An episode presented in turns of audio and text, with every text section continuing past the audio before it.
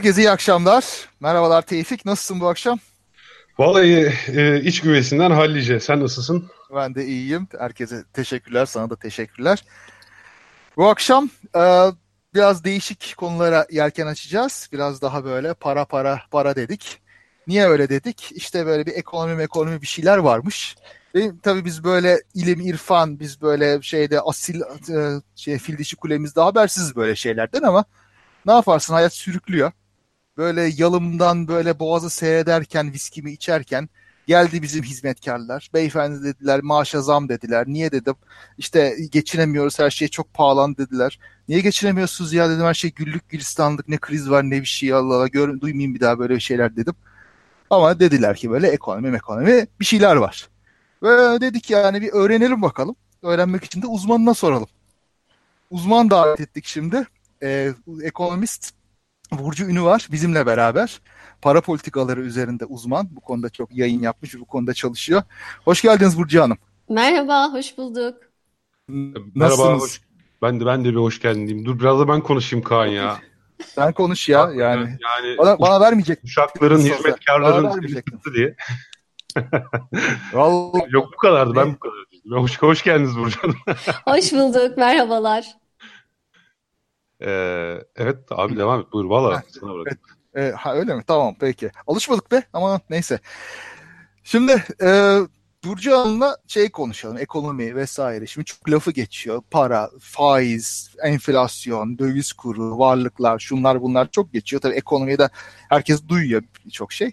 Biz biraz daha böyle gündelik ekonomi değil işte yok yatırım ne yapalım falan filan diye değil. Bu işler nasıl işliyor? Yani bu faizler nasıl belirleniyor? Merkez Bankası nedir? Ne yapar? Başka bankalardan farkı ne? Ondan sonra bunun enflasyona etkisine. Ondan yani sonra bu para politikaları politikaları neymiş? Para politikaları diyeceğiz. Aynen öyle. Peki e, Burcu Hanım ne diyebilirsiniz şimdi bu merkez bankaları ne yapıyor? Faiz ne nasıl oluyor? Bir girizgah yapabilir miyiz? Tabii ki. Ee, öncelikle davet için çok teşekkür ediyorum. Ee, zaten severek takip ediyordum. Parçası olmak ayrı bir mutluluk.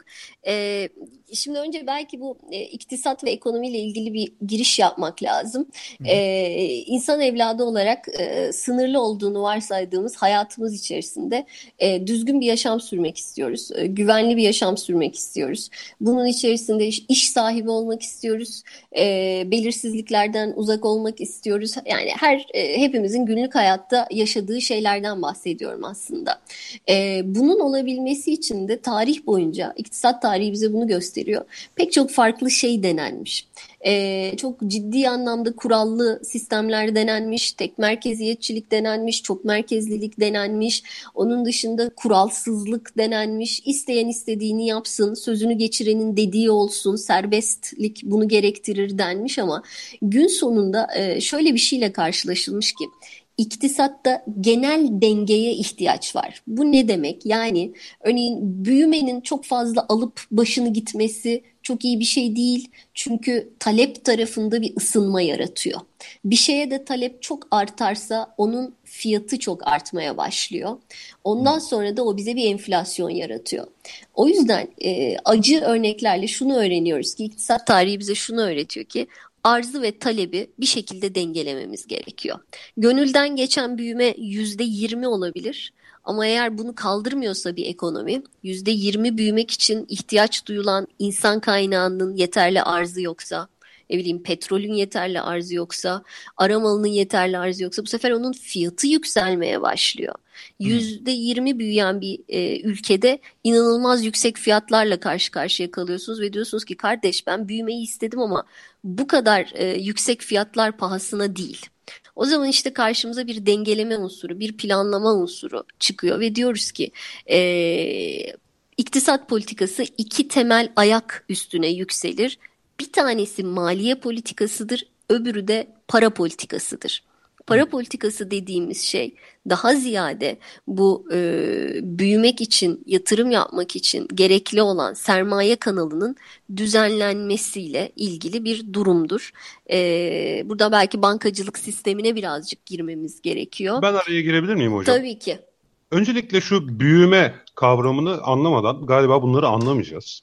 Hı. Şimdi büyüme derken neyi kastediyoruz? Bilançomuzun büyümesini mi? Yani bir şekilde hem aktiflerimizin hem pasiflerimizin yani şöyle söyleyeyim. Ben borç aldığım zaman da ve bunu da hemen bir mala yatırdığım zaman aslında bu malımın karşılığını henüz ödememiş olmama rağmen yine de büyümüş olmuyor muyum? Yani büyüme nedir? Neyi içerir? %20 büyüme ne demektir? Bir dakika ben de şurada araya gireyim. Yani şeyde aktif pasif bilanço bilmeyenlere göre de bir anlatın. İşte burada anlayan garibanlar var. Estağfurullah. Ee, biz iktisatta e, büyümeyi daha ziyade bir üretim büyümesi olarak kullanıyoruz ya da en azından e, aksi söylenmedikçe bu şekilde anlamakta fayda görüyorum ben. Şimdi e, bilançonuza e, evet bir borç almışsınızdır ama onun karşılığında da bilançonuzun bir tarafı artıdır bir tarafı eksidir ve eksidir Kaan Hocam. Artı hı hı. aldığınız borç olarak yazılır. Cebinizde bir para vardır. Sol cebinizde para vardır ama sağ cebinizde de borç mektubu vardır. Biz sizi aslında sıfır sayarız. E, solda 5 lira var ama sağda da yarın gidip o 5 lirayı ödeyecek diye varsayırız. Ama eğer gidiyorsanız ve o 5 lirayla ne bileyim bir değirmen alıyorsanız, sonra geliyorsanız kahve öğütüyorsanız, satıyorsanız o kahveyi ve o kahveden edindiğiniz para 6 liraya denk geliyorsa gider o 5 lirayı da ödeyip 1 liralık bir değer üretiyorsanız deriz ki evet burada bir üretim var, burada bir değer yaratma var. Ve hmm. arada kullandığınız mükerrer her şeyi de çıkarırız bu hesaptan. Büyüme ama e, çok haklısınız biraz şaibeli bir mevzudur. Çünkü kim büyüyor? e, memleket büyüyor dediğimiz zaman örneğin hepimiz eşit mi büyüyoruz yoksa birileri daha mı çok büyüyor ya da biri benim üstüme mi basıp büyüyor? O yüzden e, büyüme tek başına çok anlamlı bir kavram değildir. Biz iktisatçılar bunu yanında kalkınmayla beslemeye çalışırız. O yüzden de deriz ki senin kaç büyüdüğün e, tabii ki önemlidir, göstergedir ama bir memleket örneğin yüzde on büyüdüğünde e, nasıl büyüdüğüne bir bakalım. Bazı mahalleler eksi beş, bazı mahallelerde artı 30 mu? Bunu istemiyoruz. Daha en azından normal dağılıma yakınsak bir şey. Herkesin refahında belli adımlarla artış e, istiyoruz. O yüzden büyümeyle kalkınmanın e, kol kola gitmesi gerektiğini söyleriz. Hatta e, işte bunun e, daha da e, ilgincini yapmaya çalışan ülkeler de var e, Butan diye bir ülke diyor ki ben e, kişi başına düşen gayri safi hasılayla yani kişi başına düşen üretimle ilgilenmiyorum. Kişi başına düşen mutlulukla ilgileniyorum diyor ve e, kişi başına düşen mutluluk endeksleri yapıyorlar. E, bunlar dolayısıyla sadece mekanik hesapların dışında işin içine e, kalkınmanın, mutluluğun, refahın katıldığı e, endeksler oluşturmaya başlıyoruz artık üretim deyince. Yok hocam ben şimdi ısrarcı olacağım gibi olacak ama yani şu, şu, şu büyüme sayılıyor mu? Yani 100 bin liralık toplamda diyelim mal varlığım var. Evet. Gittim bankadan 20 bin lira aldım ve bunu hı hı. hiçbir üretim payı olmayan yani bu inşaat olabilir yani üretime katılmayan ama bir değer olan araba olabilir. Ya, arabayla da iş yapmıyorum sadece gezmek için alıyorum. Bunu aldığım zaman da artık 100, 100 bin lira değil 120 bin lira çevirmeye başladığım için ister borç olsun ister şu. Ben yine de %20 büyümüş sayılıyorum değil mi? Şöyle söyleyeyim, e, mal varlığınız %20 büyümüş sayılıyor. E, bunda da hiçbir sakınca yok ama üretiminiz, arabayı aldınız ve geziyorsanız üretiminiz %20 büyümüş sayılmıyor. Mal varlığınız %20 büyümüş sayılıyor. Ama dediğim gibi biraz önce arabanızı sattığın, yani ben şunu hesaplayabilirim. Tevfik bir araba almış 120 bin lira. Ödeyemezse kredi borcu 110 e, bin lira. Nette kaç lira? Bunu hesaplayabilirim. Bunu üretimle karıştırmamak gerekiyor. Bu bir mal varlığı. Fakat inşaat konusu ayrı bir konu. Ee, örneğin e, memleketin e, işte e, her tarafının şantiyeye dönmesinden rahatsız oluyor olabiliriz. Fakat inşaat sektörü aslında çok fazla farklı sektörle konuşan e, ve üretim tetikleyen bir sektördür. O e, eğer oraya bir yatırım yapıyorsanız istihdam da yaratıyorsunuzdur, üretim de yaratıyorsunuzdur, çimento alıyorsunuzdur vesaire. Orada üretim vardır. Araba örneğiyle dolayısıyla ikisi teknik olarak farklılıklar içeriyor. Anladım, anladım.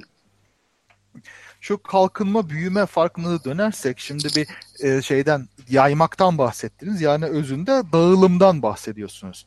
Ortalamaya evet. değil dağılım eğrisine bakalım diye. Kesinlikle. kesinlikle. Yani bir meşhur laf vardır ortalama derinliği bir metre olan bir nehirde boğulmak mümkündür diye. Çünkü bir yeri mesela 5 metre derinliktedir. Başka yerler diz kapağına kadar gelirken. Yani o yüzden de dağılım tabii önemli. Bu, evet. bu da biraz ona geliyor. Yani bir grup çok zenginleşip öbür grup fakirleştiyse ortalama iyi de olsa pozitif de olsa iyi bir şey değil. Yani kalkınma dediğiniz herkesin beraber büyümesi demek ne oluyor? Evet kesinlikle bir de burada şöyle bir şeye de dikkat etmemiz gerekiyor. Diyelim ki e, nehrin e, bir tarafı 10 santimetre derinliğinde bir tarafı 10 metre derinliğinde. Ben geliyorum diyorum ki e, hepinize eşit miktarda su ekliyorum. E, olur mu? E, herkese eşit miktarda, herkese bir santim e, eklemek 10 metre derinlik için aynı anlamda değil, 10 santim derinlik için aynı anlamda değil. Hı. Dolayısıyla bazen kalkınmayı e, böyle işte kendine doğru yontmak istediği zaman iktisatçı şey der, her kesime eşit pay vermek. Hayır, her kesime eşit pay vermek değil. Herkesi ortada buluşturmak için geride kalana daha çok pay vermek. Ha, ee, ki bir ortada e, medyanda e, ya da işte birer standart sapma solda sağda makuldür kümelenebilelim. Gini indeksiyle mi ölçüyoruz hocam bu gelir uçurumunu? Gini, Gini endeksi çok kullanılan bir endekstir. E, doğrudur ama e, yakın zamanda e, biraz önce ifade etmeye çalıştığım gibi Gini endeksi dışında e, biraz daha e, işin içerisine e, sosyal boyutları da e, katan e, şeyler eklendi, göstergeler e, eklendi. Bana sorarsanız e, ben tek başına Gini eğrisini anlamlı bulmam. Onun dışında pek çok sosyal göstergenin, şeffaflık göstergelerinin, eğitim göstergelerinin toplulaştırılmış halinin kalkınma için daha anlamlı olduğunu düşünüyorum. Hmm. Peki ben hocam şimdi... ağırlıklı ortalama mı alıyorlar bu tür şeylerde? O şekilde mi bir gösterge birleştiriliyor bunlar? Ee, yok hocam gelir e, gruplarına göre e, bir e, kıyaslama yapılıyor. Şimdi orada şöyle bir şey var yani e, belli gelir gruplarına böldüğünüzü düşünün e, insanları ve onun e, ilerlemesine baktığınızı düşünün. Birbirlerine yakınsama katsayılarına baktığınızı düşünün. Ama orada biraz önce anlattığım endişenin tam da önüne geçilmiyor aslında. Hmm. Yani bizim bir e, 1900'lerde 1900'lerin başı diye hatırlıyorum Lorenz e, eğrisi e, vardır. E, o, onun üzerine kurulan bir e, sistemdir e, Gini. E, ama dediğim gibi yakın dönemde nüfusun yüzde yirmilik dilimler halinde gelirden aldığı payın tek başına anlamlı olmayabileceğini fark ettik. Bunu bunu şununla da söylemek gerekiyor. Yani örneğin e, bir ülkenin e, siyasi rejimi tek başına kalkınma için anlamlı bir gösterge değildir. Bunu da görüyoruz. Kore örneğinde zamanında gördüğümüz gibi. İktisat biraz daha e, insan e, insanla ilgili bir şey olduğu için tek bir hedefle okuması e, bana zor geliyor. Ama sorarsanız evet Gini çok kullanılan bir e, göstergedir. Peki hocam yani mutluluk rasyonel bir ölçü olarak nasıl kullanılıyor onu düşünüyorum. Mesela sonuçta bir akşam şehir şebeke suyuna antidepresan katarsam ertesi gün mutluluk endeksi yüksek çıkabilir. Aslında tabii antidepresan işin esprisi de yani insanları sosyal olarak dünyanın en yüce milleti olduğuna inandırırsan, dünyanın efendisi olduğuna inandırırsın. Yani insanları e, sahte bir mutluluk algısı içerisinde olabilirler. Gelecekleri çok karanlık olmasına rağmen. Kesinlikle. Ee, benim de e, bahtiyarlık endeksi diye e, hafif şakasını yaptığım bir mevzudur bu.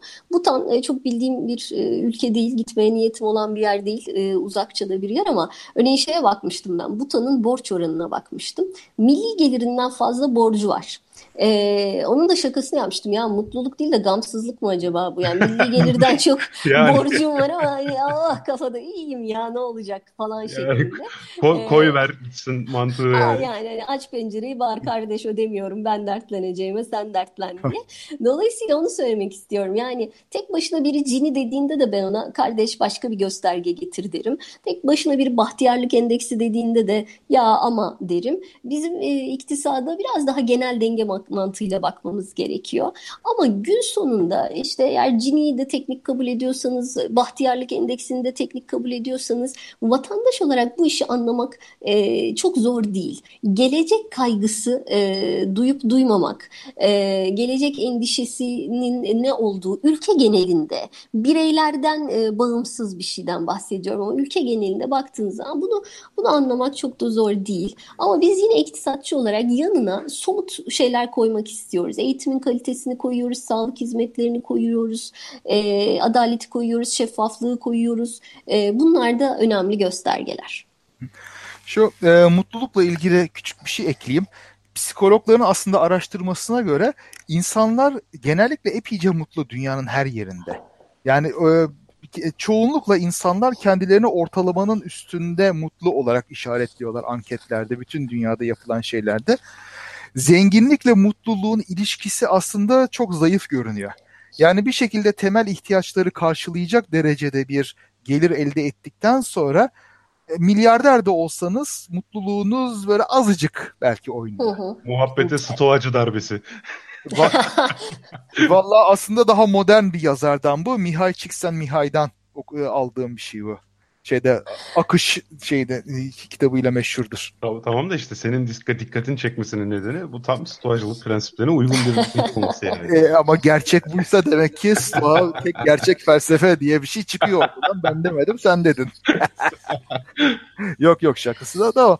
E, şimdi şey var ama tabii e, tat şey e, arzuya doymak diye bir şey var. Şimdi alırsın mesela bir, lüks arabam, spor arabam olsa çok mutlu olacağım her insan oturur. E, bir ay sonra geçer onun keyfi. Yani, yani hedonik adaptasyon. O. Yani. işte o tamam.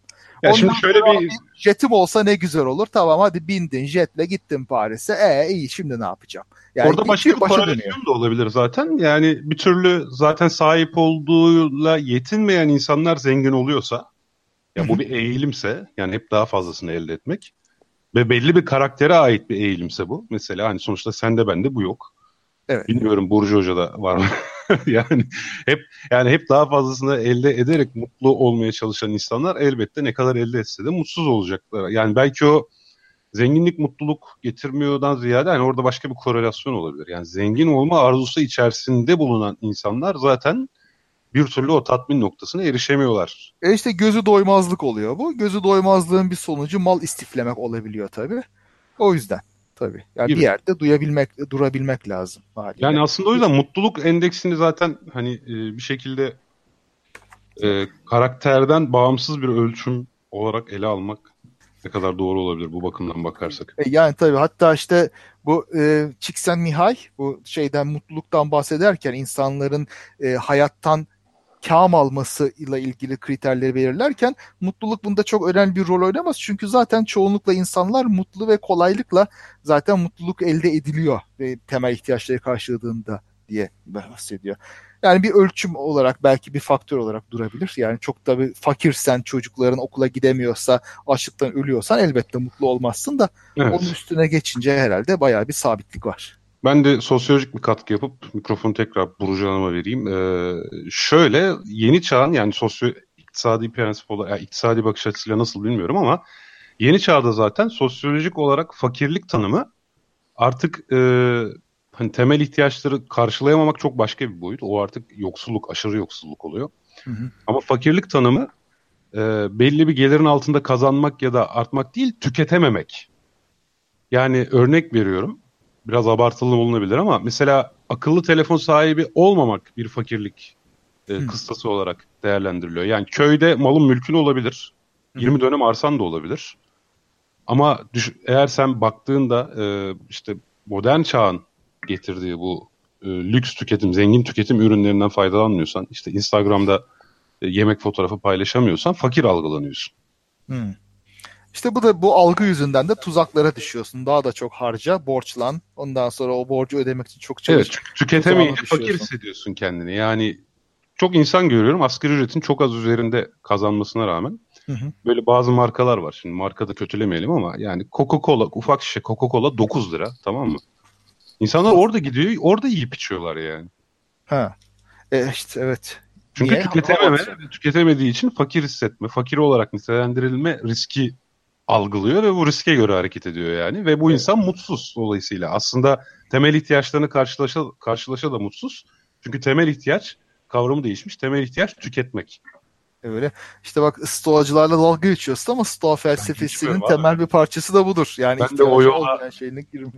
Baş koydun değil mi? E, ben de intizap ettim o yola. Senin de şeyin oldum, müridin oldum Kaan Hocam. Yani. Allah Allah lafa bak. Neyse Burcu Hoca'yı çok sessiz bıraktık. Estağfurullah dinliyorum. Ee, helikopterimin e, pervane sesinden duyamadım son kısmı ama. E... Hakkıyı azaltın hocam o zaman daha sessiz çalışıyor. Hakkıyı azaltın. Burcu Hoca'nın da yalısında demek ki hizmetkarlar isyan etmiş helikopterle kaçıyor. Burcu Hocam çözümü bulmuş hizmetkarlarına birer iPhone tamam bitti yani. Aa, maaş, maaş değil yani iPhone tokluğuna. e, bu e, şimdi şeye bir aslında bakmak da gerekiyor. Belki e, politika yapıcılar e, için iktisadi durum sadece e, girdilerden bir tanesi e, yoksunluk kavramı bizim için e, yakın dönemde çok fazla e, önem kazanmaya başladı. Kişilerin e, ne, neden yoksun hissettiği ülkeden ülkeye, e, kültürden kültüre değişiyor. Örneğin e, İskandinavlar e, Türkiye'ye geldiği zaman büyük e, bir araba kullanan insanı gördüğünde e, onlara tuhaf geliyor, görgüsüzlük gelebiliyor. Bizde ise belki bu bir güven. E, hem e, trafik terörüne karşı bir güven, küçük arabayla beni sıkıştırırlar büyük araba hem de belki değer kazanıyor diyebiliriz. Şimdi kültürden kültüre de e, eşyalara atfedilen, e, satın alınan varlıklara atfedilen anlamlar değişiyor. Dolayısıyla iktisat sadece herkes için geçerli. Yedin ekmeğini, içtin suyunu, yallah bir basamak işte Maslow'un ihtiyaçlar hiyerarşisinde yallah bir basamak yukarı diyebileceğimiz böyle kesin bir e, durum söz konusu değil. O yüzden biz mutlaka ve mutlaka politika yapıcının iktisadi durumu bir veri olarak kabul edebileceğini öncesinde ama sonrasında da şekillendirecek bir hedef fonksiyon oluşturması gerektiğini düşünüyoruz. E, ve bunu da e, toplumun gelişiminden bağımsız yapmamanız gerekiyor. Örneğin ülkenizin nüfusu daha ziyade yaşlılardan oluşuyorsa daha farklı bir e, mutluluk, daha farklı bir yoksunluk e, söz konusu. Gençlerden oluşuyorsa daha farklı bir şey söz konusu. Fakat bunu tek başına veri olarak mı kabul etmeliyiz yoksa bunu değiştirme konusunda da düşünmeli miyiz? Ben kendi adıma söyleyeyim. Öğrencilerimin ilk e, ya da işte şuna bakalım. Hani memleketin ilk e, modern edebiyatının e, neyin üzerine bina edildiğine bakalım. Araba sevdası kitabın adı değil mi? E, şimdi peki biz kredilerin dağılımına baktığımızda kişilere sorduğumuzda ilk kredini ne için alıyorsun dediğimizde çoğunluk araba yanıtını duymaya devam ediyoruz. Bunu bir veri olarak mı kabul etmeliyiz? Evet. Böyle gelmiş böyle gider mi demeliyiz? Yoksa e, kişilerin e, işte yurt dışında eğitim almak için kendini geliştirmek için de kredi kullanabileceği, bunu arabanın önüne koyabileceği bir sistemin mi hayalini kurmalıyız? E, tümüyle değişebilen, gelişebilen bir yapıdan bahsediyoruz. Hmm. Peki bunu değiştirmek istersek bunun için ne yapılabilir diyelim değiştirmeyi tercih ettik. Bunun için yapabileceğimiz şey nedir? Demokratik bir toplum için çerçevesinde kalarak mesela. Yani tabii ki bunu e, şu, şundan bağımsız düşünmek gerekiyor. Yani yanıtını bilmiyorum. E, önce onu söyleyip sadece yapanları biliyoruz e, nasıl yapmışlar ona bakabiliyoruz. Yaptıkları dönemdeki dünya ekonomisinin konjonktürüne bakıyoruz. Örneğin İkinci Dünya Savaşı sonrasında bunu yapabilen ülkeler çok daha farklı bir noktada mutluluğu tanımlayabiliyorlar halklarına. Diyorlar ki bak güvendesin, bak karnın doydu. Hadi bakalım Berlin yıkıldı, şimdi buradan üretelim onun o zaman halkını şekillendirmek için söylediği şeyi sen bugün dünyada likidite bolluğunun olduğu pek çok gelişmekte olan ülkede kredi patlamasının yaşandığı bir dönemde söyleyemezsin. Ama şunu biliyoruz ki iktisadi anlamda olgunlaşan ülkeler, mutlaka ve mutlaka sosyal yatırımlar yapan ülkeler. Hangisinin önce geldiğini ise bilmiyoruz. Yani önce sosyal yatırım yapıyorsun ve ekonomin mi iyi gidiyor yoksa önce ekonomin iyi gidiyor sonra sosyal yatırımlar mı yapıyorsun?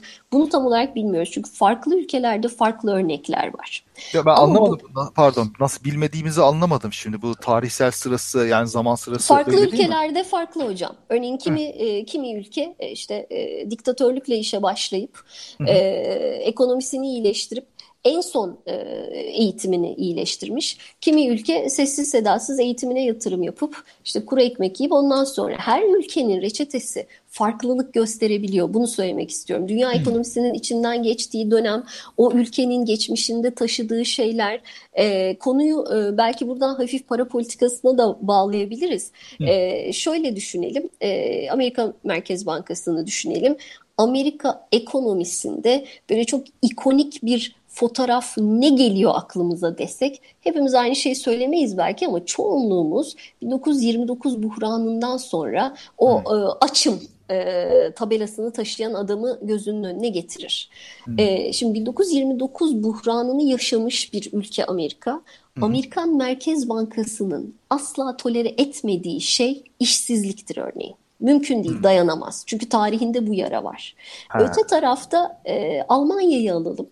E, duvarın yıkılışını alalım. Almanya'nın birleşmesini alalım. Ne var Almanya tarihinde? Hiperenflasyon var. Hmm. E, gözümüzün önüne e, Alman marklarını üst üste koyup e, ev yaptıkları o fotoğraf geliyordur pek çoğumuzun. Hmm. Almanya Merkez Bankası da örneğin enflasyona dayanamaz. E, her ülkenin kendi tarihinden getirdiği şeyler var ve iktisat politikasını ister istemez şekillendiriyor. Toplumunu da şekillendiriyor.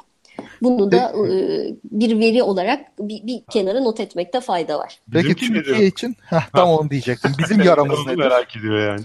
Tamam. Ee, ünlü bir sözümüz, bir siyasetçimizin. Bir düşünün aklınıza gelir 70 mi? 70 sente muhtacız. Aynen öyle. Aynen öyle. Döviz krizi bizimkiler. Kura dayanamayız. Hmm. Doğru İlk... tabii yani. Değil mi? Her şey evet. şey oluyor bir tek dolar fırlayınca biz korkuyoruz. Doğru. Evet. O da hep ithalata dayalı. Yani başından beri sanayi devrimini yapamamamız bir sanayiyle beraber yani sanayiyi tarihten getirmememizden kaynaklanıyor galiba. Ee, evet biz e, sanayi devrimini e, dünyada çok iyi yapan ülkeler var. Yani e, İngiltere'nin hali ortada zamanındaki hikayeleri bizler iktisat kitaplarında onu okuyoruz. Ama bir noktada da şunu söylemek gerekiyor. Her ülke dünyada sanayi devrimini tamamlamış. Biz de yaya kalmışız gibi bir durum yok. Şöyle bir şey vardır işte karbon emisyonları şu anda çok güncel biliyorsunuz. İşte kömür yakmayın, çevreye duyarlı üretim yapın. E, Hindistan, e, Modi dedi ki güzel kardeşim senin 200-300 sene önce yaptığın sanayi devrimini ben şimdi yapıyorum. Sen o dönemdeyken kimse sana gelip dedi mi İngiltere e, güzel kardeşim nedir senin karbon emisyonun diye demedi. E, iktisat tarihi kitaplarında o dönemde e, şeyler çok e, ön plandadır. Sanayi devriminde e, okuduğumuz hikayelerde, madenlerde e, üstleri çıplak çalışan kadın ve erkekler İngiltere'de ve öldüğü zaman oh, sadece oh. bir kenara atılanlar. E, örneğin bu bugün Çocuk Hindistan... işçiler. Çocuk evet, işçiler İngiltere'nin en büyük şeyiydi yani. İlk ilk çocuk işi yasaklaması mecburen orada çıktı yani. Evet yani evet. şimdi bu, bunu bugün Hindistan'da anlattığınızda ay işte Ganj da çok pismiş aman Hindistan şöyleymiş falan diyorsunuz ama diyoruz ama e, yani İngiltere'nin e, gel buraya nereden geldiğine de bir bakmak gerekiyor ya da dünyadaki pek çok ülkenin. Modi çıktı dedi ki senin 300 seneki önceki halindeyim güzel kardeşim ben. Sen karbon emisyonunu takmadın ben de takmıyorum. Ha illa temiz üretim yapmamı istiyorsan Aradaki farkı bana ödersin. Ben de güzel temiz üretime geçen fabrika yaparım. Doğrudur yanlıştır Modi'nin dediği. Bu, bundan bağımsız bir şey söylemeye çalışıyorum. Evet. Sadece şunu ifade etmek istiyorum ki bu e, sanayi devriminde hepimiz aynı anda e, şey yapmadık. E, koşmaya başlamadık ama bir noktada da koşmak gerekiyor. Hani geç de kalsan, güç de kalsan bir noktada koşmak gerekiyor. Hmm. Ya tabii şimdi orada şöyle bir fark var. İngiltere'nin yani o ülkelerin sanayi devrimi döneminde dünya nüfusu çok azdı ve üretim sınırlıydı. Şimdi tabii ki hala o tarz 300 yıl önceki tarzdaki bir üretimi dünya kaldırabilir mi noktasında bir sıkıntı yani var. Yani İngiltere'nin nüfusu o zaman 10 milyonsa şimdi 1 milyarlık Hindistan'dan bahsediyoruz tabii evet. ki. Ölçek Çin'de, farklı. Çin'de inanılmaz korkunç kirli üretim yapan ve atık üreten bir yer. Ve mesela e, sonuç itibariyle şimdi niye ülkeler birbirine biraz karışmaya başladı? Çünkü Çin'de yapılan üretim Kuzey, Kuzey Amerika'daki Eskimo annenin memesinden zehirli süt gelmesine neden oluyor yani artık. İş bu evet. noktada. Doğru. Ee, orada belki şöyle bir e, veriyi de paylaşmak lazım. 1929 ee, buhranını ve o nesli anlattık. Bizim de bir yüzyıl krizimiz var. 2008 ee, aslında şu an tam olarak 10. yılındayız. Eylül ayı itibariyle Lehman e, Brothers'ın batışı. E, yüzyılın krizidir. E, büyük durgunluk e, diyoruz biz ona. E, iki, 2008'de krize girdik. Geçenlerde e, grafiğini hazırladığım için biliyorum. İşte krizin hemen sonrasında e, çamur bulanık olur. 2009-2010 onu geçelim. Anlamaya çalışıyorduk. Bize ne çarptı? O mu bana çarptı? Ben mi ona çarptım evet, diye.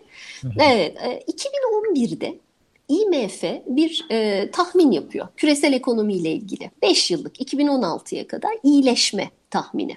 Hmm. E, ben onu artık tabii veri elimizde var 2016. 2011'de tahmin edilen 2011-2016 kapalı aralığı patikasını gerçekleşenle kıyasladım. Geldiğimiz nokta Yani tahmin edilenle gerçekleşen arasındaki fark ciddi e, negatif. Gerçekleşme tahmin edilenin oldukça altında. Beklenen iyileşmeyi sağlayamadı küresel ekonomi. Peki bu aradaki fark ne kadar derseniz dünya gelirinin yüzde yirmisine eşit. Küresel ekonomik e, gelirin yüzde yirmisine eşit. Yani beş kişilik masaya dört kişilik yemek veriyoruz biz şu anda. Of. O zaman o zaman şuna bir tesadüf demememiz gerekiyor. Örneğin Brexit tesadüf müdür? Hayır değildir. E, ya da e, ticaret savaşları tesadüf müdür? Hayır değildir. E, Danimarkalıların bir atasözü var. Masada yeteri kadar yemek varsa herkes arkadaştır diyor. Hmm. E, demek ki masada yeteri kadar yemek olmadığında da arkadaşlık bozulabiliyor. Küresel ekonomide yaşadığımız şeylerin e, arkasında e, bunlara da bakmak gerekiyor. Ya da Amerika Birleşik Devletleri'nde seçileceği tahmin edilmeyen Trump'ın gelmesi, e, İngiltere'de Brexit oylamasının e, gelmesi, ticaret savaşları bunlar e, kahve falından e, değil de e, daha ziyade iktisadi gerçeklerden çıkıyor aslında. Şimdi hocam kafam karıştı. Yanlışlıkla mı söylediniz yoksa olayı yanlış mı anladım? 5 kişilik masaya mı 4 kişilik yemek veriliyor? 4 kişilik masaya mı 5 kişilik yemek veriliyor? 5 kişilik masaya 4 kişilik yemek Hah, veriliyor. Tamam, Biri tamam, aç. Oldu. Tersi olmuştu da ben kafam karıştı orada. Acaba dedim hani fazlalık mı buna neden oluyor? Fazlalıkta da kavga çıkar ama bu kadar pis olmazdı. Onu ben yanlış söylemişim. Düzelteyim. 5 kişilik masaya 4 kişilik yemek veriliyor. Anladım. O zaman bu şeyde belki de dünyadaki otoriter idarelerin artmasında işte diktatörlerin güç kazanmasında bunun da payı vardır diyorsunuz genel olarak. Korumacılık korumacılık diye tanımlıyoruz hocam biz bunu. Ee, örneğin işte e, Birinci Dünya Savaşı, İkinci Dünya Savaşı bunlar anlatılırken de hep korumacılık hikayesi vardır. Bir kömür havzası yüzünden insanlar birbirine girer vesaire.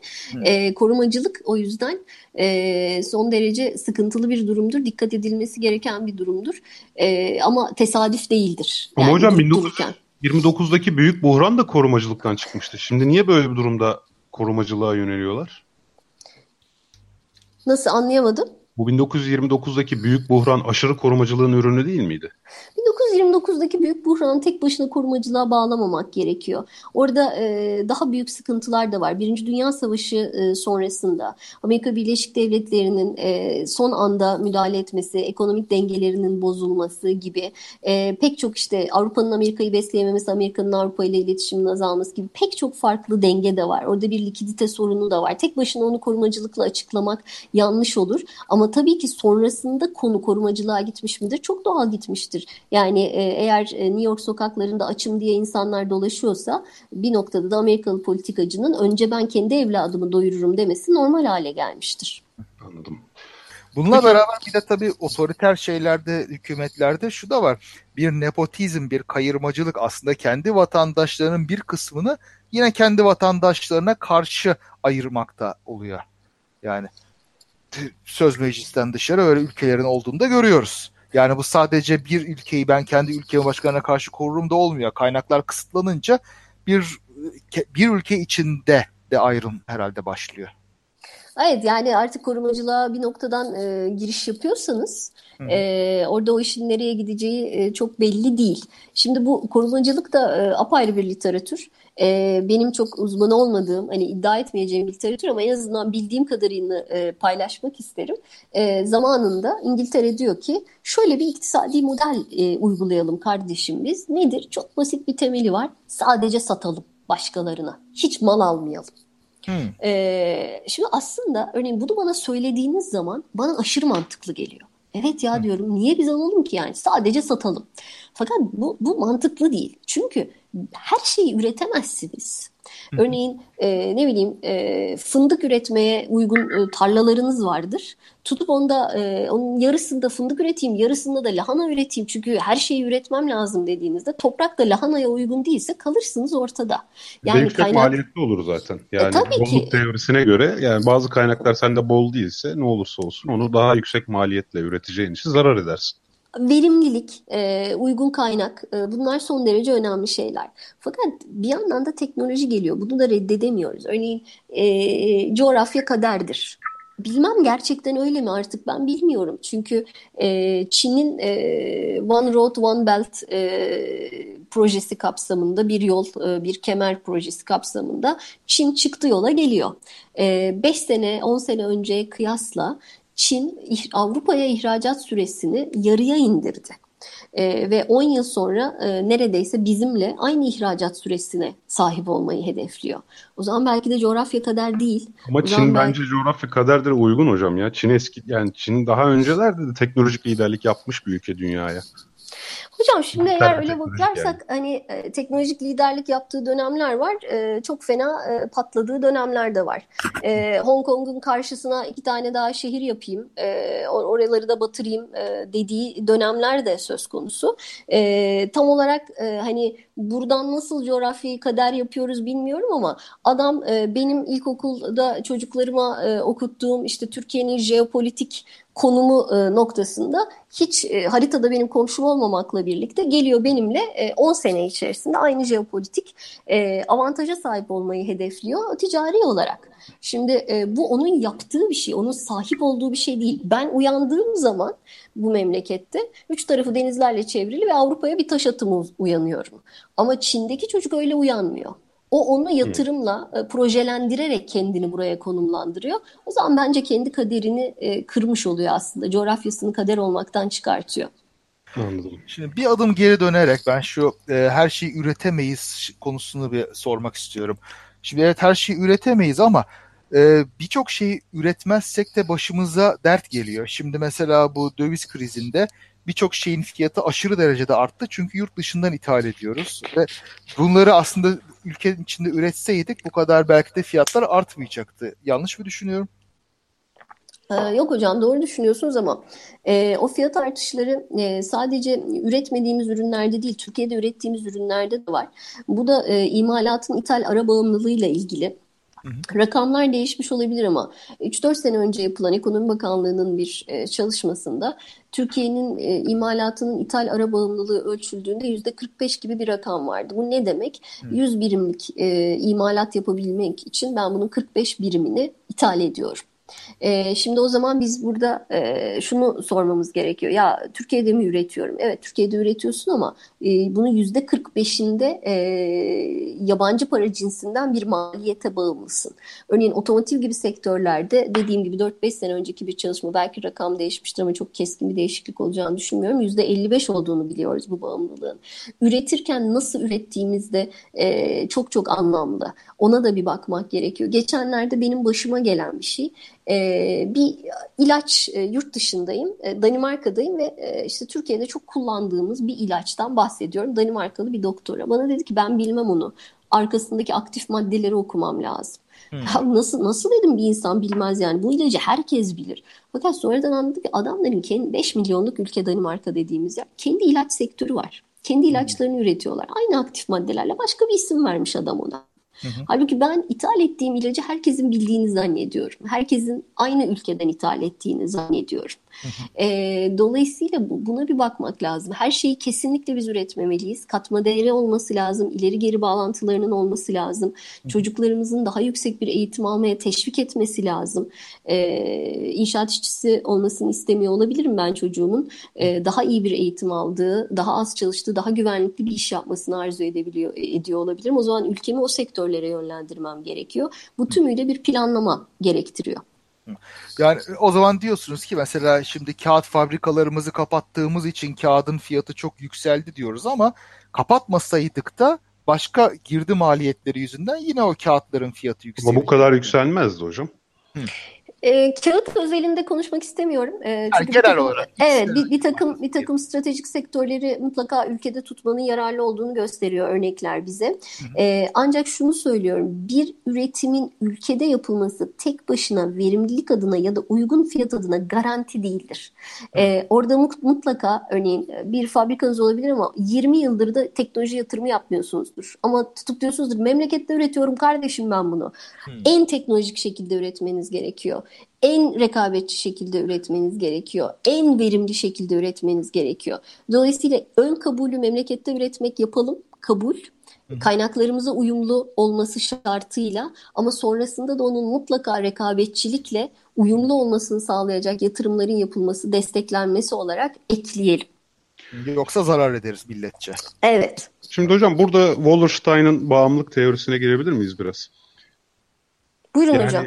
E, sonuç itibariyle üreten yani ürünü üreten makineyi üretmedikçe yani merkez ülke olmadıkça zaten ithal bağımlılığından e, kurtulmak zaten mümkün değil. Bu da teknolojik yatırımın e, önemini ortaya koyuyor. Şimdi şimdi az öncekini ilaveten öncelikle şunu söylemek istiyorum. Şimdi stratejik ürün olsun olmasın bu korumacılığa da dönmüş olacağım ama eğer şimdi bazı ülkelerin pek çok konuda avantajı var. Mesela ya, Türkiye'de işçilik ücretleri ucuz olmasına rağmen Güneydoğu Asya'da daha ucuz. Ya da Türkiye'deki tarım arazilerinin belli bir ürüne yatkınlığı çok sınırlı bölgelerdeyken işte Çin'de fersah fersah alanda pirinç üretilebilir. Ee, şimdi normalde bazı gümrük kurallarıyla yerli üreticiyi koruyan bazı politikalar vardı 3-5 sene öncesine kadar. Şimdi bu, bu e, ithalat yasakları sayesinde bir şekilde hala yerli üretimin gelişmesi, dolayısıyla seri üretimin artması ve maliyetlerin düşmesi sağlanıyordu. Bu ithal yasakları kalktıktan sonra bazı sektörler tamamen bitti. Bunların içerisinde hani hep popüler bir söylem var. Türkiye buğday bile ithal eder hale geldi diye. Yani e, sadece teknoloji değil ya da sadece şey değil. Bu tür politika yapıcılığın da bu ithal ikame üründe yani girdi maliyetlerinden bahsetmiyorum. Sadece politikaya bağımlı olarak da e, bir sektörün tamamen bitmesi mümkün değil mi? Yani burada izleyeceğimiz politikalar da önemli değil mi yani? Kesinlikle önemli. Kendinizi nasıl konumlandırdığınız çok önemli. Örneğin sıklıkla e, en azından bana yanlış geldiği için e, söylüyorum. Sıklıkla yanlış e, ifade edilen bir şey vardır. E, ucuz iş gücü, Türkiye ucuz iş gücü diye. Şimdi evet belki e, bir yatırım yapan bir insanın e, maliyetleri alt alta toplaması e, mantıklıdır. İşte e, maaşlar vesaire. Ama tek başına e, bu yetmez. Şöyle bir örnek vereyim. Birkaç sene önce e, duyduğumuz sektörden bir hikaye. Bir e, Alman firması e, biliyorsunuz Almanya'da iş gücü fiyatları oldukça yüksek. Başka bir ülkeye gidiyor. E, maaşların düşük olduğu bir ülkeye gidiyor ve diyor ki Aa, her şey her maliyetim aynı. Bir tek iş gücü maliyetim düşük. Yaşasın ben burada süper üretirim. Fakat gittiği ülkedeki e, insanların eğitimi uygun değil.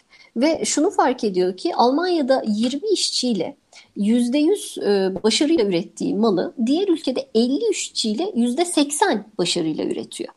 E, ve diyor ki kardeş e, her şey e, maaş değilmiş, her, her şey insan maliyeti değilmiş, insan kalitesiymiş de aynı zamanda. Evet, ve gerisin geri... yatırımı yapması lazım belki. Evet. O da astarı yüzünden pahalıya gelecek. Evet astarı ve gerisin geri e, çok da yakın olduğu bir ülke e, gerisin geri e, geliyor. Ya da ucuz iş gücünden kasıt nedir? 2-3 e, sene önce Financial Times'ta çıkmıştı. Bugün hala öyle midir bilmiyorum. Bakmak lazım şimdi ben de merak ettim ama 2-3 yıl önce Financial Times şunu söylüyordu. İspanya'da bir mühendis Çinli bir mühendisten daha ucuz.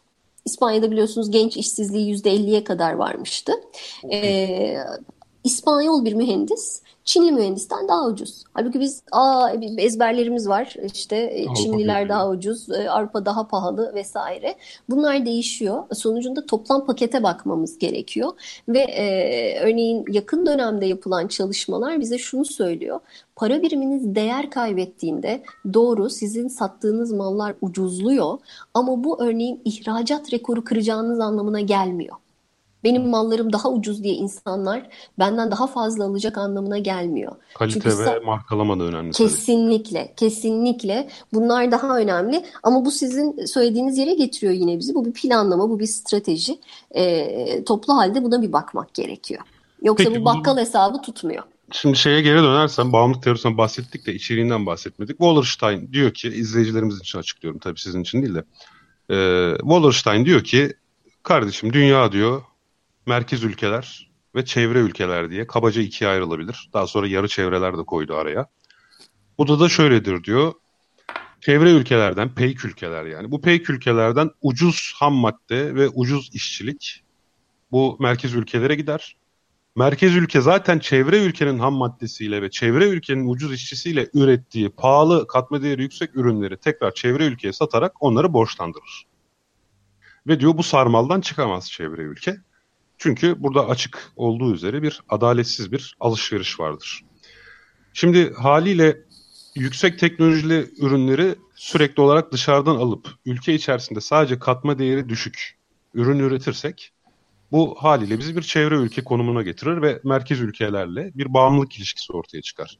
Ki bizim bugünkü döviz bağımlılığımızı yine bu Wallerstein bağımlılık teorisi içerisinde açıklayabiliyoruz. Çok ciddi bir bağımlılık ilişkisi var çünkü ürettiğimiz ürün zaten katma değeri düşük ama buna rağmen onun %55'ini şeyden e, dışarıdan e, elde ediyoruz ve kağıtta da bu yani kağıt gibi bir üründe dahi bu bağımlılığı çok e, derinlemesine hissettik şu an. Bazı sektörler tamamen hissediyor. Yayın evi sektörleri durma noktasında neredeyse yayın evi sektörü.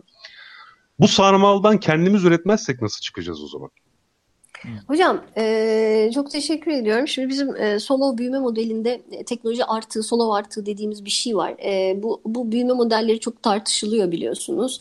E, işte en büyük sermaye insan mı? Teknolojiyi biz kendimiz mi üretiyoruz? Dışarıdan mı alıyoruz?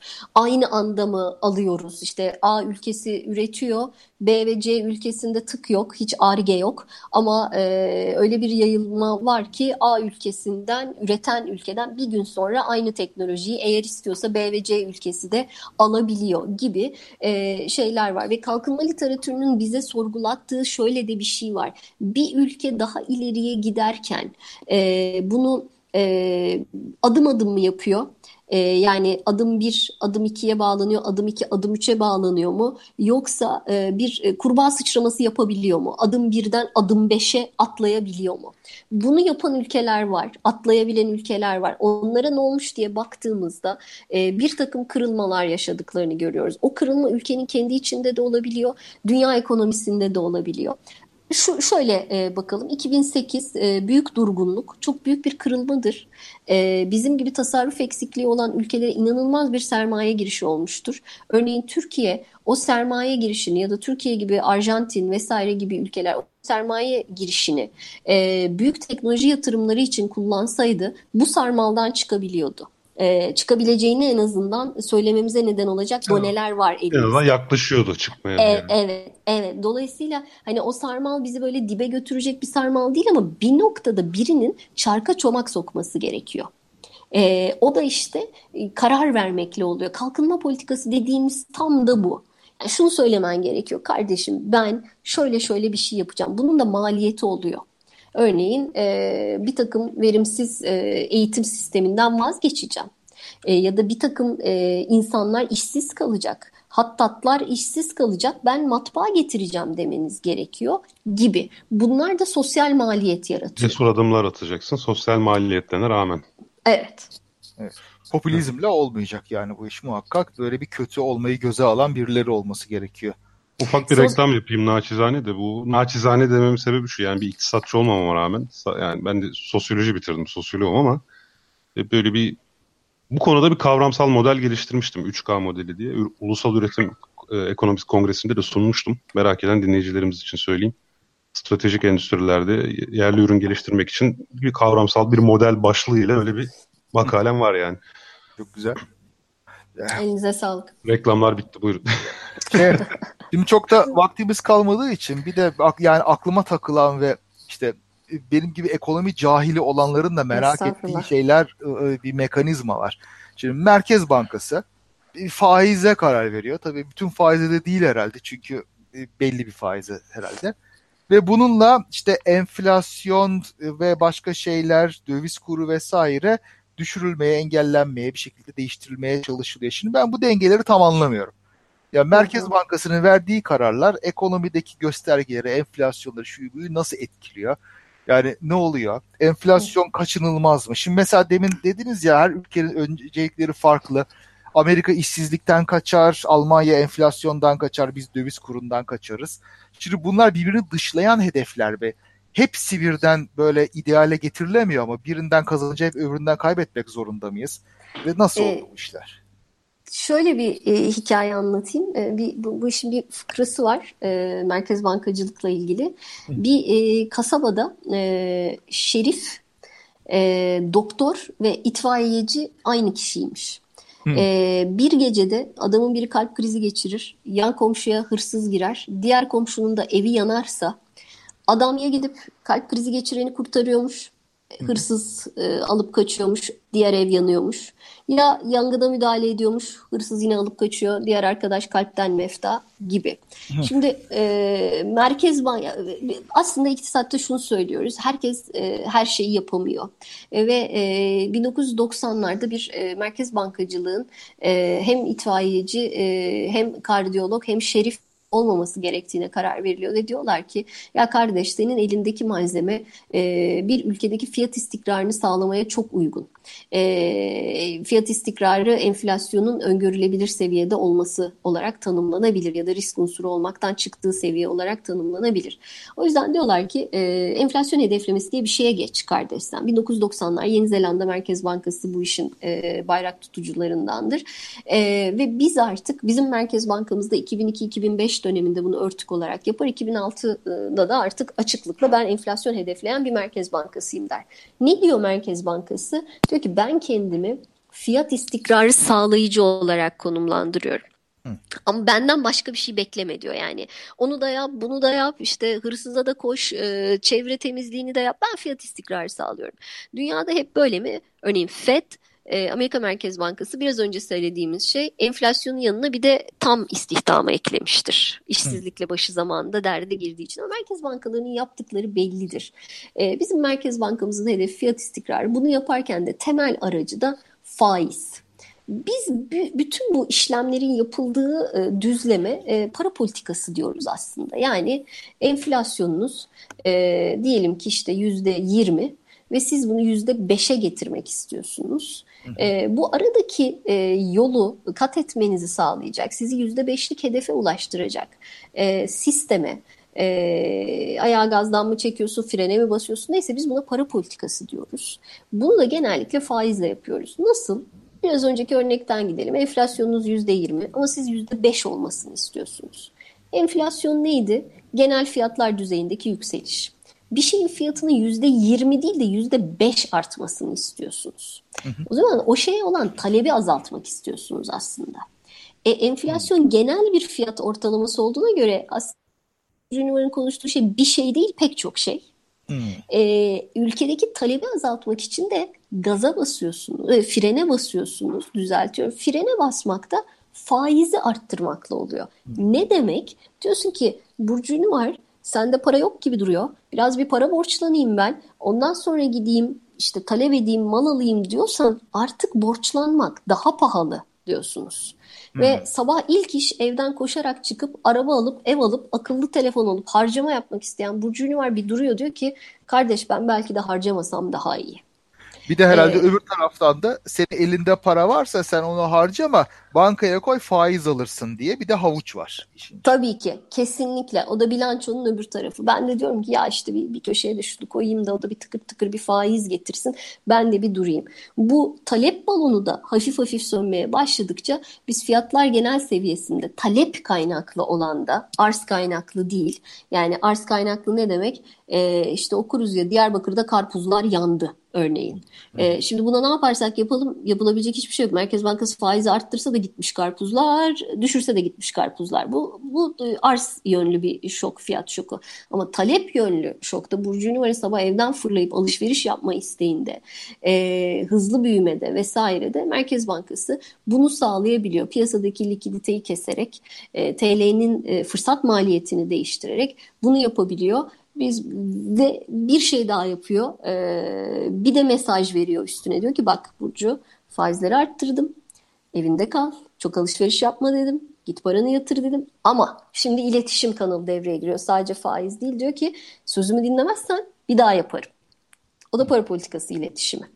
Ve eğer ben Merkez Bankası'nın dediğini yapan bir Merkez Bankası olduğunu düşünüyorsam diyorum ki hiç evden çıkmayayım, rahatımı bozmayayım yoksa bu geliyor. İşte buna biz aslında para politikası diyoruz. Peki hocam. Biraz yani, benzetmelerle anlatmaya gayret ettim ama. Bir de mali politikalar tarafını duysak yani yanlış hatırlıyor da olabilirim de sanki Mafya Eğilmez'de şey duymuştum. Bu ikisi ters çalışmak zorunda gibi. Para ters çalışmak yani. zorunda değil ama eğer bir taraf sıkıyorsa e, diğer tarafın daha e, destekleyici olmasında fayda görüyoruz. Peki nedir? Mali politikalar nedir? Yani para politikaları gibi böyle bizlere cahillere anlatır gibi anlatsanız onu da onu da bir aydınlatsak. Ee, estağfurullah. Ee, maliye politikası dediğimiz daha ziyade bütçeyle ilgili politikalar, harcama politikaları, kamunun harcama politikaları.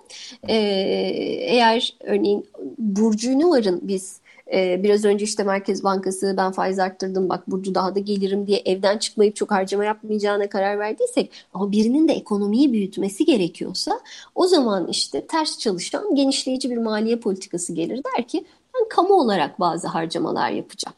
Çünkü sonuçta bir ülke neyle büyür? Harcamayla büyür, yatırımla büyür. Tamam sen harcama ama ben yatırım yapayım diyebilir. E, daraltıcı ya da sıkı para politikasının yanına biraz daha genişleyici bir e, maliye politikası eşlik edebilir. Fakat bu ikisi ters çalışmak zorundadır diyemeyiz. Ya onu yanlış hatırlıyor olma ihtimalim çok yüksek. Yani ben oradan Hı-hı. o mesajı çıkarmış olabilirim. O zaman Türkiye yani büyük ölçüde uzun yıllar ikisini de fazla gevşek tutarak devam etti değil mi? Ee, Şimdi şöyle bir şey var. E, yani biz yüksek enflasyonla yaşamış e, bir ülkeyiz. E, 2000'lerin öncesinde ortalama %75'lik bir e, enflasyonumuz var. Orada hem e, arzın etkisi var hem talebin etkisi var. Ne yazık ki bu öyle bir şey ki şunun garantisi yok. Örneğin mutlaka yüksek büyüme, yüksek enflasyon olabilir değil. Türkiye'nin e, bazı dönemleri var ki düşük büyüme ama yüksek enflasyon. Hmm. Nasıl oluyor? Bu mekanizması nedir bunun?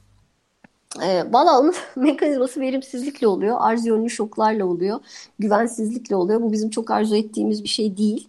E, ama e, çok ara ara e, bunu görebiliyoruz. Bir e, ekonomide çok fazla bir büyüme olmuyor. Faizleri yükseltiyorsunuz.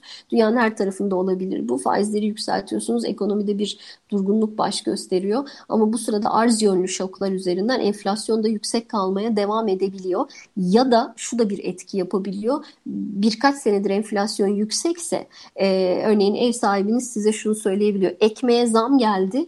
E ben kiraya zam yapacağım. Kardeşim ne alakası var? Çünkü senden gelen kirayla ben gidip ekmek alıyorum. Aslında bir alakası var bunun e, ve e, uzun süren enflasyon dönemlerinin böyle ileriye dönük yansımaları da oluyor ya da para biriminiz değer kaybediyor. Biraz önce söyledik imalatınızda ithalata bağımlıysanız enflasyon yaratıyor. E, bütün bunlar o yüzden e, enflasyon e, para politikası koordinasyonunun da e, çok çok önemli olduğunu gösteriyor. Ama şunu bir e, cebe belki yazmak gerekiyor. Örneğin Türkiye gibi bir ülke e, %1'in biraz üzerinde bir nüfus büyümesi e, genç nüfus gümbür gümbür geliyor. Örneğin e, bizim büyümemiz gerekiyor.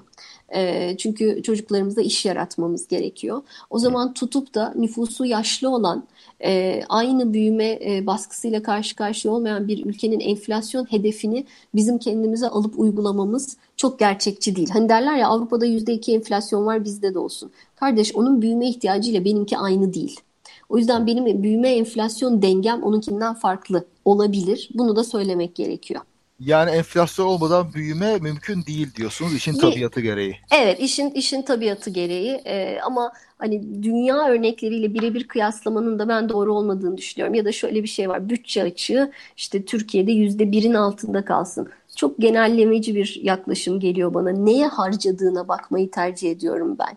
Ee, örneğin eğitime harcıyorsa, e, bilimsel eğitim e, devlet eliyle e, ücretsiz eğitimi sağlayacaksa yüzde bir yerine yüzde iki de yapsın. Ben varım. E, sonrasında onun getirisi olacak çünkü. Sayıların e, içini konuşmadan sadece başlık olarak sayı konuşmak yanıltıcı olabiliyor bizim mesleğimizde. Ama toplamda yani eğitime yatırılan yapılan yatırım da gelecekte bütçe açımız olmasın diye değil mi? Yani hedef yine aynı şekilde bütçe açığını kapatmak.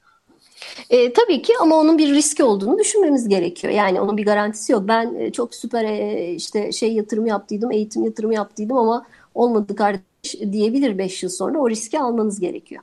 Anladım. Peki hocam kapatmadan evvel madem yani bu para politikalarını Merkez Bankası belirliyor dediniz de nedir bu Merkez Bankası? Yani bu mesela Türkiye Cumhuriyeti Merkez Bankası değil Türkiye Cumhuriyet Merkez Bankası çünkü aslında devlete ait banka değil değil mi? Yani nedir bu Merkez Bankası? Merkez bankaları nedir? Amerika'da niye Federal Reserve? Başka yerde de yani her ülkenin Merkez Bankası var mı? Toplamda yani Merkez Bankası olgusu nasıl bir şey? Bizleri aydınlatsanız. E, bankaların bankası bir üst konum diyebiliriz, düzenleyici diyebiliriz, para politikası yürütücü diyebiliriz. Çünkü iktisatta e, çok temel karşılaştığımız şeylerden bir tanesi çıkar çatışması.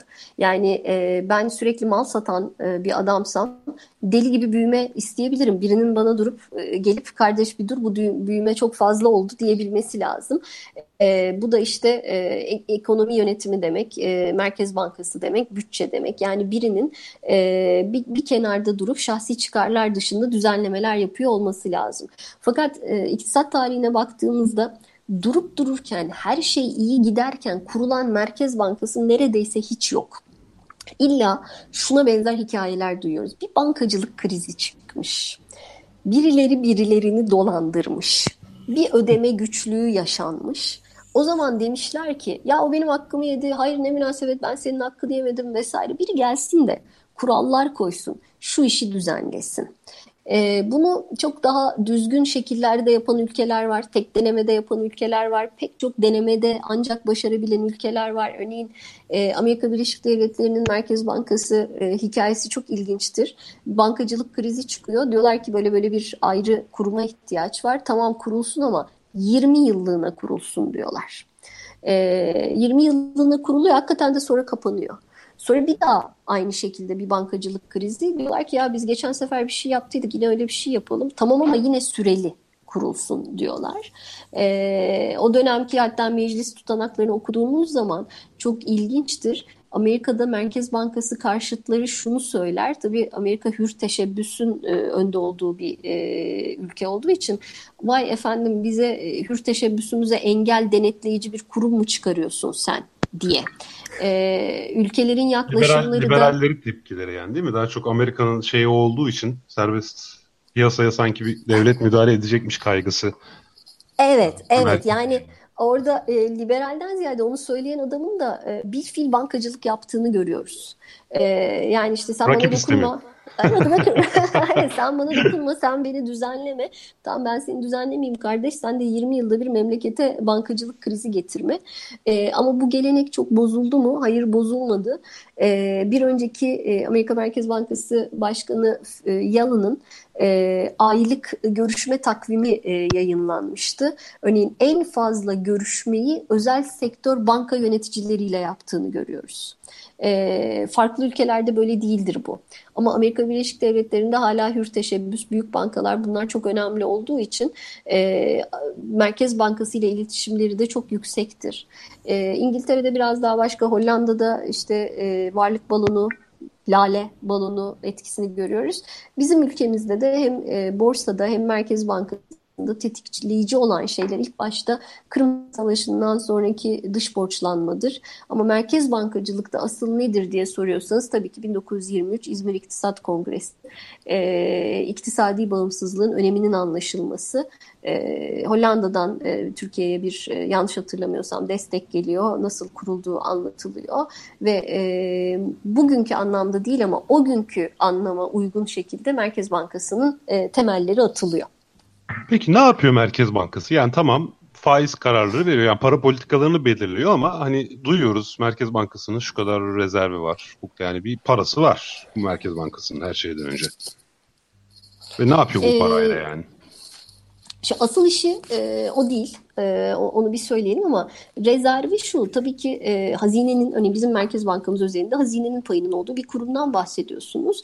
E, dış borç ödemelerinde e, aracılık e, yapabilir. Aynı zamanda örneğin dövizin, yabancı paranın fiyatı e, ev fiyatı gibi bir şeydir e, bizim için. E, artar, çıkar vesaire. Eğer o fiyatta bir dengesizlik olduğunu görüyorsa e, rezerviyle buna müdahale edebilir e, bu amaçla kullanılıyor. Rezerv de bir e, para politikası destekleyici e, olarak kullanılabilir. Ama yani döviz işi, ihalesi açarak değil mi? Yani belli yani doğrudan müdahale yapabilir. Döviz tabii ki doğrudan müdahale yapabilir. Döviz ihalesi açabilir. Bütün bunları yapabilir. E, ama bu ülkenin de bir kasaya ihtiyacı var. Her ülkenin kasaya ihtiyacı olduğu gibi e, emisyon hacimleriyle ilgilenir. Ama bizim aklımıza Merkez Bankası dediğimiz zaman e, özellikle 1990'lardan sonra artık para politikası geliyor. Artık faiz ve e, faiz dışı araçlar, zorunlu karşılıklar geliyor ve fiyat istikrarı geliyor. Peki Merkez Bankası'nın sahibi yani büyük hisse olarak devlet ama ya Merkez Bankası'nın bayağı hazine. özel hissedarları da var değil mi? Yani hazine %55'ine biçtiniz. Evet yüzde 55 küsur. Benim yani asıl e, orası e, hani internet sayfasında kesin bilgiye bakmak lazım. Yanlış bilmiyorsam 6 bin kişi kadar küçük hissedarı da D grubu hisse deniyor zannediyorum ama yanıltıcı olmak istemem. Sayfasından görülebilir hissedarları var. Ama asıl e, tabii ki e, hazinemiz. Çok enteresan. Ben bu bilgiyi öğrendiğimde çok şaşırmıştım. Baya baya Türkiye'de Merkez Bankası'nın ortakları var bir anlamda. Yani tabii D grubu hisse nasıl bir hak tanıyor bilmiyorum ama peki Merkez Bankası kar payı falan da dağıtıyor mu bu ortaklarına? Yani ben Merkez Bankası hissesi sahibi olsam Merkez Bankası bu yıl kar dağıtsa bayağı gidip Merkez Bankası'nın karından pay alabiliyor muyum yani? Sanıyorum alabiliyorsunuz, temettü alabiliyorsunuz diye biliyorum ama dediğim gibi hani e, çok bilgi sahibi olduğum bir nokta değil orası. Anladım. Enteresan bir bilgi. Evet. Evet. Başka hocam sen ne soracaksın Kaan hocam Merkez Bankası ile ilgili? Valla ben e, genelde aldım cevabı da şimdi mesela bu e, enflasyonu indirmek için işte faiz yükseltiyoruz. Ya yani bunun bir sınırı var herhalde. Yani azıcık yükseldiğinde az faiz yükseltmek yetiyor da ya da döviz kuru yükseldiğinde falan bir herhalde bir yerden sonra artık dikiş tutmaz oluyor değil mi? Artık bunu zamanında yapmak gerekiyor. Beklemenin faydası olmuyor. E, tabii tabii bizim e, reaksiyon fonksiyonu dediğimiz bir şey var e, para politikasında. E, sol tarafa e, bağımlı değişken olarak şeyi koyun. E, para politikası aracınızı koyun. Hı hı. E, bu şey olabilir, faiz olabilir. E, faiz artı iletişim olabilir. Neyse aracınız, saldıracağınız şey piyasaya enflasyon düşsün diye ya da çıksın diye. Yani eğer çok düşükse çıkmasını da istiyor olabilirsiniz elbette. Ee, sağ tarafa da e, açıklayıcı değişkenler tarafa da şunu koyarsınız. Ya arkadaş ben bu enflasyonun şuradan şuraya gelmesini istiyorum ama ne kadar zamanda bu hareketi yapıyor? Hmm. Ee, enflasyon hedeflemesi hareketli hedefe ok atmak gibidir aslında. Yani şu anda %20 e, olabilir enflasyon. Siz bunu %5'e getirmek istiyor olabilirsiniz ama biz bunu konuşurken de enflasyon %21'e ya da %19'a doğru hareket ediyor olabilir. Hmm. Bizim ben, kararımız da onu değiştirir bu arada değil mi? Yani Tabii bu, bu birbirini bes evet. Belirsizlik ee, dolayısıyla... gibi konumunu konumunu bilirsen hızını hızını bilirsen konumunu bilemezsin gibi. E, dolayısıyla yani ben buradan oku atıyorum. E, ve şu an karşımda gördüğüm enflasyonu vurmak istemiyorum. E, şunu hesaplıyorum. Benim okum ne kadar zamanda hedefe varır? Rüzgar karşıdan mı geliyor, arkadan mı geliyor? Ben kuvvetli miyim, iyi atıcı mıyım, tutturabiliyor muyum, tutturamıyor muyum gibi. Buna da parasal aktarım mekanizması diyoruz.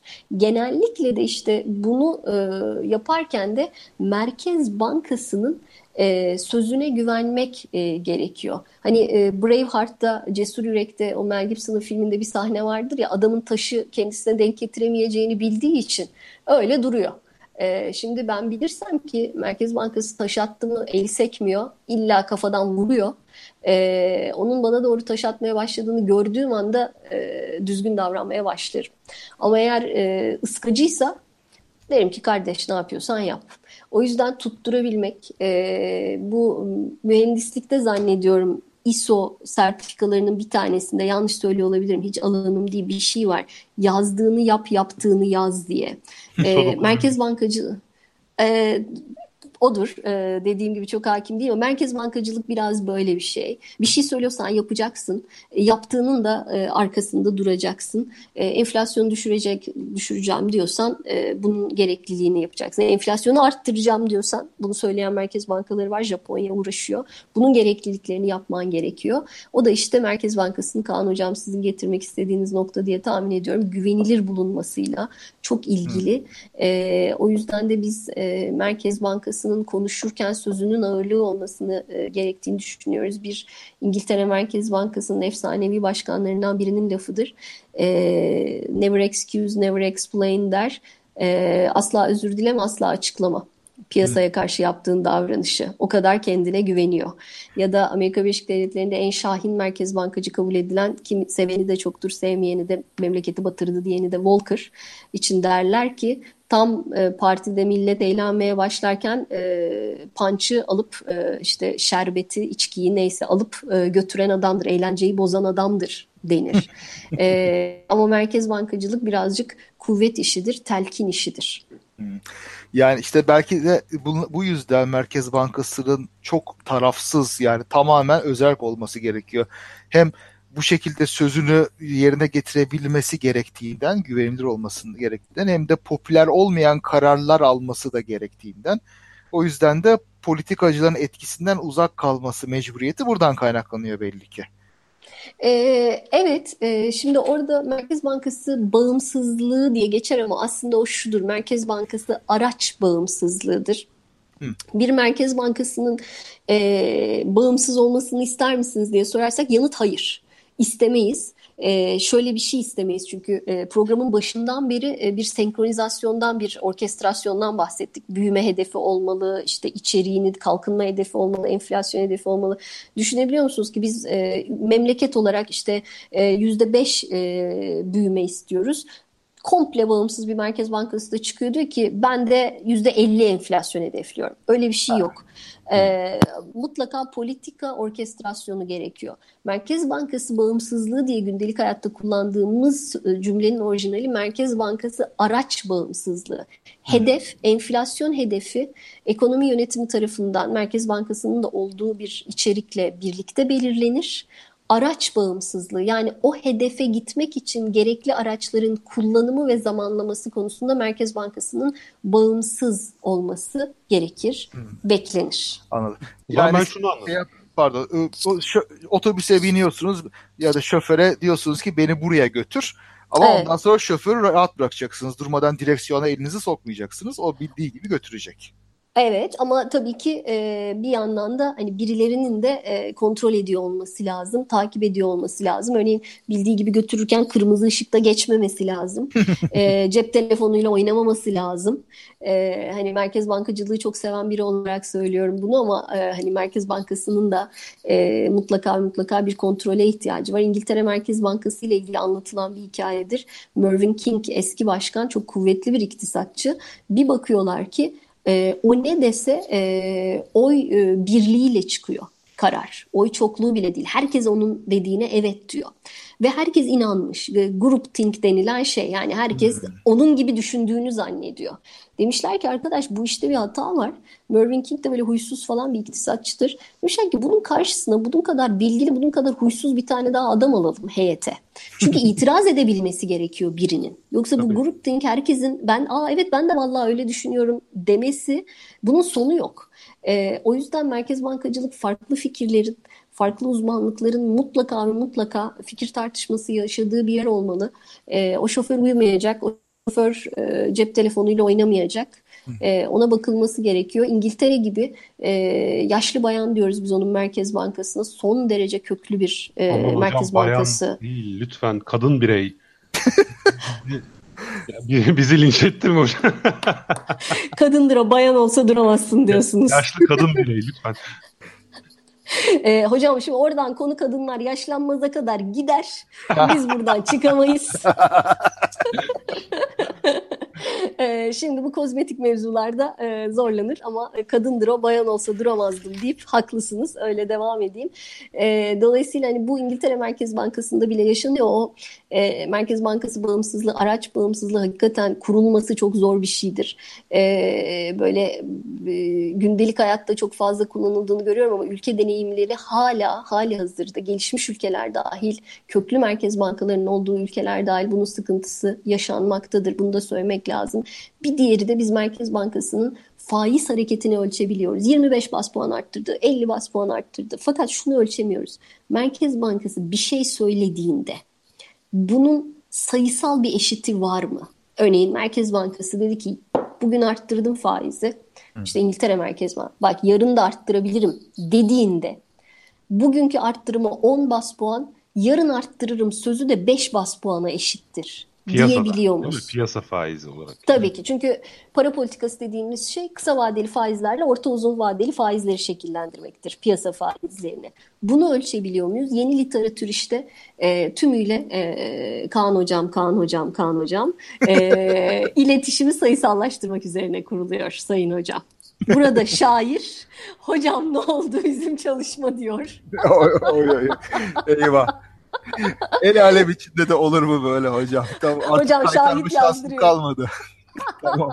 tamam bitireceğim ben o çalışmayı. yok hocam şaka bir yana hakikaten yeni bir şey bu. Yani o, oluru var mı yok mu ama bunu anlamaya çalışıyoruz. Merkez Bankası herhangi bir Merkez Bankası höt dediğinde artı mı çalışıyor eksi mi çalışıyor ya da kaç puan artı çalışıyor? E, iletişimin de para politikası iletişimin de faiz gibi bir araç olması konusunda literatür hızla ilerliyor. Hmm. Peki hocam kapatmadan önce çok duyduğum ama merak ettiğim bir soruyu sorayım o zaman. Yani konu dışı olabilir biraz ama yani şu Merkez Bankası ama yani bankalarda karşılığı olmayan para yaratılıyor dijital olarak aslında. Faize koyduğunuz zaman karşılığı olmasa da bunun bir karşılığı olarak size faiz geliri yaratılıyor diye bir hani insanlar sağda solda konuşuyor. Belki siz duymuyorsunuzdur da. Yani bu gerçek gerçeklik payı var mı bunun? Yani banka dijital olarak bir para yaratabilir mi? Yani kasasında... Bitcoin'den mi bahsediyorsun? Hayır hayır hayır. Yani kasasında öyle bir nakit mevduat karşılığı yok ama e, yok. o para dijital olarak yaratılıyor. Yani herkes gidip parasını çekmeye kalkarsa bankada öyle bir para yok yani. Yok. Yok. E, zorunlu karşılık dediğimiz bir sistem var. Bankadaki e, paranın belli bir kısmı zaten Merkez Bankası'nda durur. E, akariko belli bir sistemdir. E, ben kendi bilgim dahilinde e, hani böyle bir şey duymadım. E, duysaydım da e, hani hafif hafif yan masaya doğru geçer muhabbetten uzaklaşırdım e, diyeyim. Peki Türk Amerika Birleşik Devletleri'nde böyle olabilir mi? Şimdi orada da hocamın e, getirdiği şeye geleceğiz. Yani e, Bitcoin'den vesaireden e, bahsediliyordur ama e, tam olarak benim gözümde canlanmadı açıkçası. Peki çok kısa bir şey olarak fazla uzatmadan Bitcoin gibi şeyler bu merkez bankacılığını, para politikacılarını çok değiştirir mi köklü bir şekilde? Ee, hocam şöyle söyleyeyim, e, inanılmaz bir tartışma dönüyor bununla ilgili. E, kripto currency'lerin e, merkez bankacılığa etkileri diye. E, çünkü aslında gün sonunda e, belki o kısmı atlayarak geçtik ama bir şeyin faiz bir şeyin fiyatıdır ağırlıklı olarak da paranın fiyatıdır. E ben onu e, ya piyasadan çekiyorum ya piyasaya veriyorum Merkez Bankası olarak. Yani likiditeyle oynuyorum. Şimdi bir de kripto currency olunca bu benim para politikası kontrolümü azaltacak mı? Buna bir bakmak gerekiyor. Kripto currency'yi ben basmıyorum ki miktarına ben karar verebileyim. Hmm. E, dolayısıyla bunun merkez bankacılık ve para politikasına etkileri e, ısınan bir e, tartışma. E, benim çok parçası olmadığım e, bir tartışma. Ancak evet e, sahibi olmadığın bir şeyi nasıl kontrol edeceksin? Kontrol edemediğin değişken e, piyasaya girdiği zaman da sen artık o hedefe giden yolu planlayabilecek misin? Bu ciddi bir soru. Anladım. Teşekkürler. Ee, belki yavaş yavaş kapatabiliriz. Bayağı uzun konuştuk. Kapatmaya doğru gidiyoruz. Valla doymadık. Ee, Burcu Hocam belki sizi ileride bir kere daha davet edebiliriz. Çünkü konuşacak o kadar konu var ki yani tasavvur et şey başta planladıklarımızın çoğuna gelemedik. Ee, çok teşekkür ediyorum. Benim için çok büyük zevk oldu. O zevk bize ait. Çok teşekkürler. Sağ olun. Evet, aydınlattınız. Çok sağ olun. Dinleyicilerimizden de kusura bakmalarını rica ediyorum. Bu konuklu programlarda pek dinleyici sorularına dönemiyoruz. Sadece Kaan'la biz olduğumuzda konuyu kesip e, sorularla ilgilenebiliyoruz ama tabii konuğumuzu e, kürsü dokunulmazlığı sağlamak için, serbestçe konuşması için e, serbest bırakmaya çalıştığımız için dinleyici sorularıyla ilgilenemiyoruz.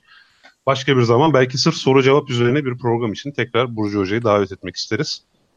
Evet. evet. Bu arada şeyi de duyurumuzu da yapalım. 7 Ekim'de Muhabbet Teorisi stüdyo yayını ve Yalan Savar buluşması olacak yine Doğum İstanbul'da. Orada oraya da gelebilenleri bekleriz. Her evet, zaman son sezonunda açıyoruz. Evet. Av tüfekleri alıp gelin. evet hocam çok teşekkürler gerçekten. Ben çok teşekkür ediyorum. Çok büyük bir zevkti. Davetiniz için de nezaketiniz için de çok teşekkür ediyorum. Sağ olun. Sağ olun. Çok teşekkürler. O zaman 125. bölümümüzün sonuna geldik. Haftaya buluşmak, görüşmek dileğiyle. Hepinize sevgiler, saygılar, esen kalın. İyi akşamlar, görüşmek üzere.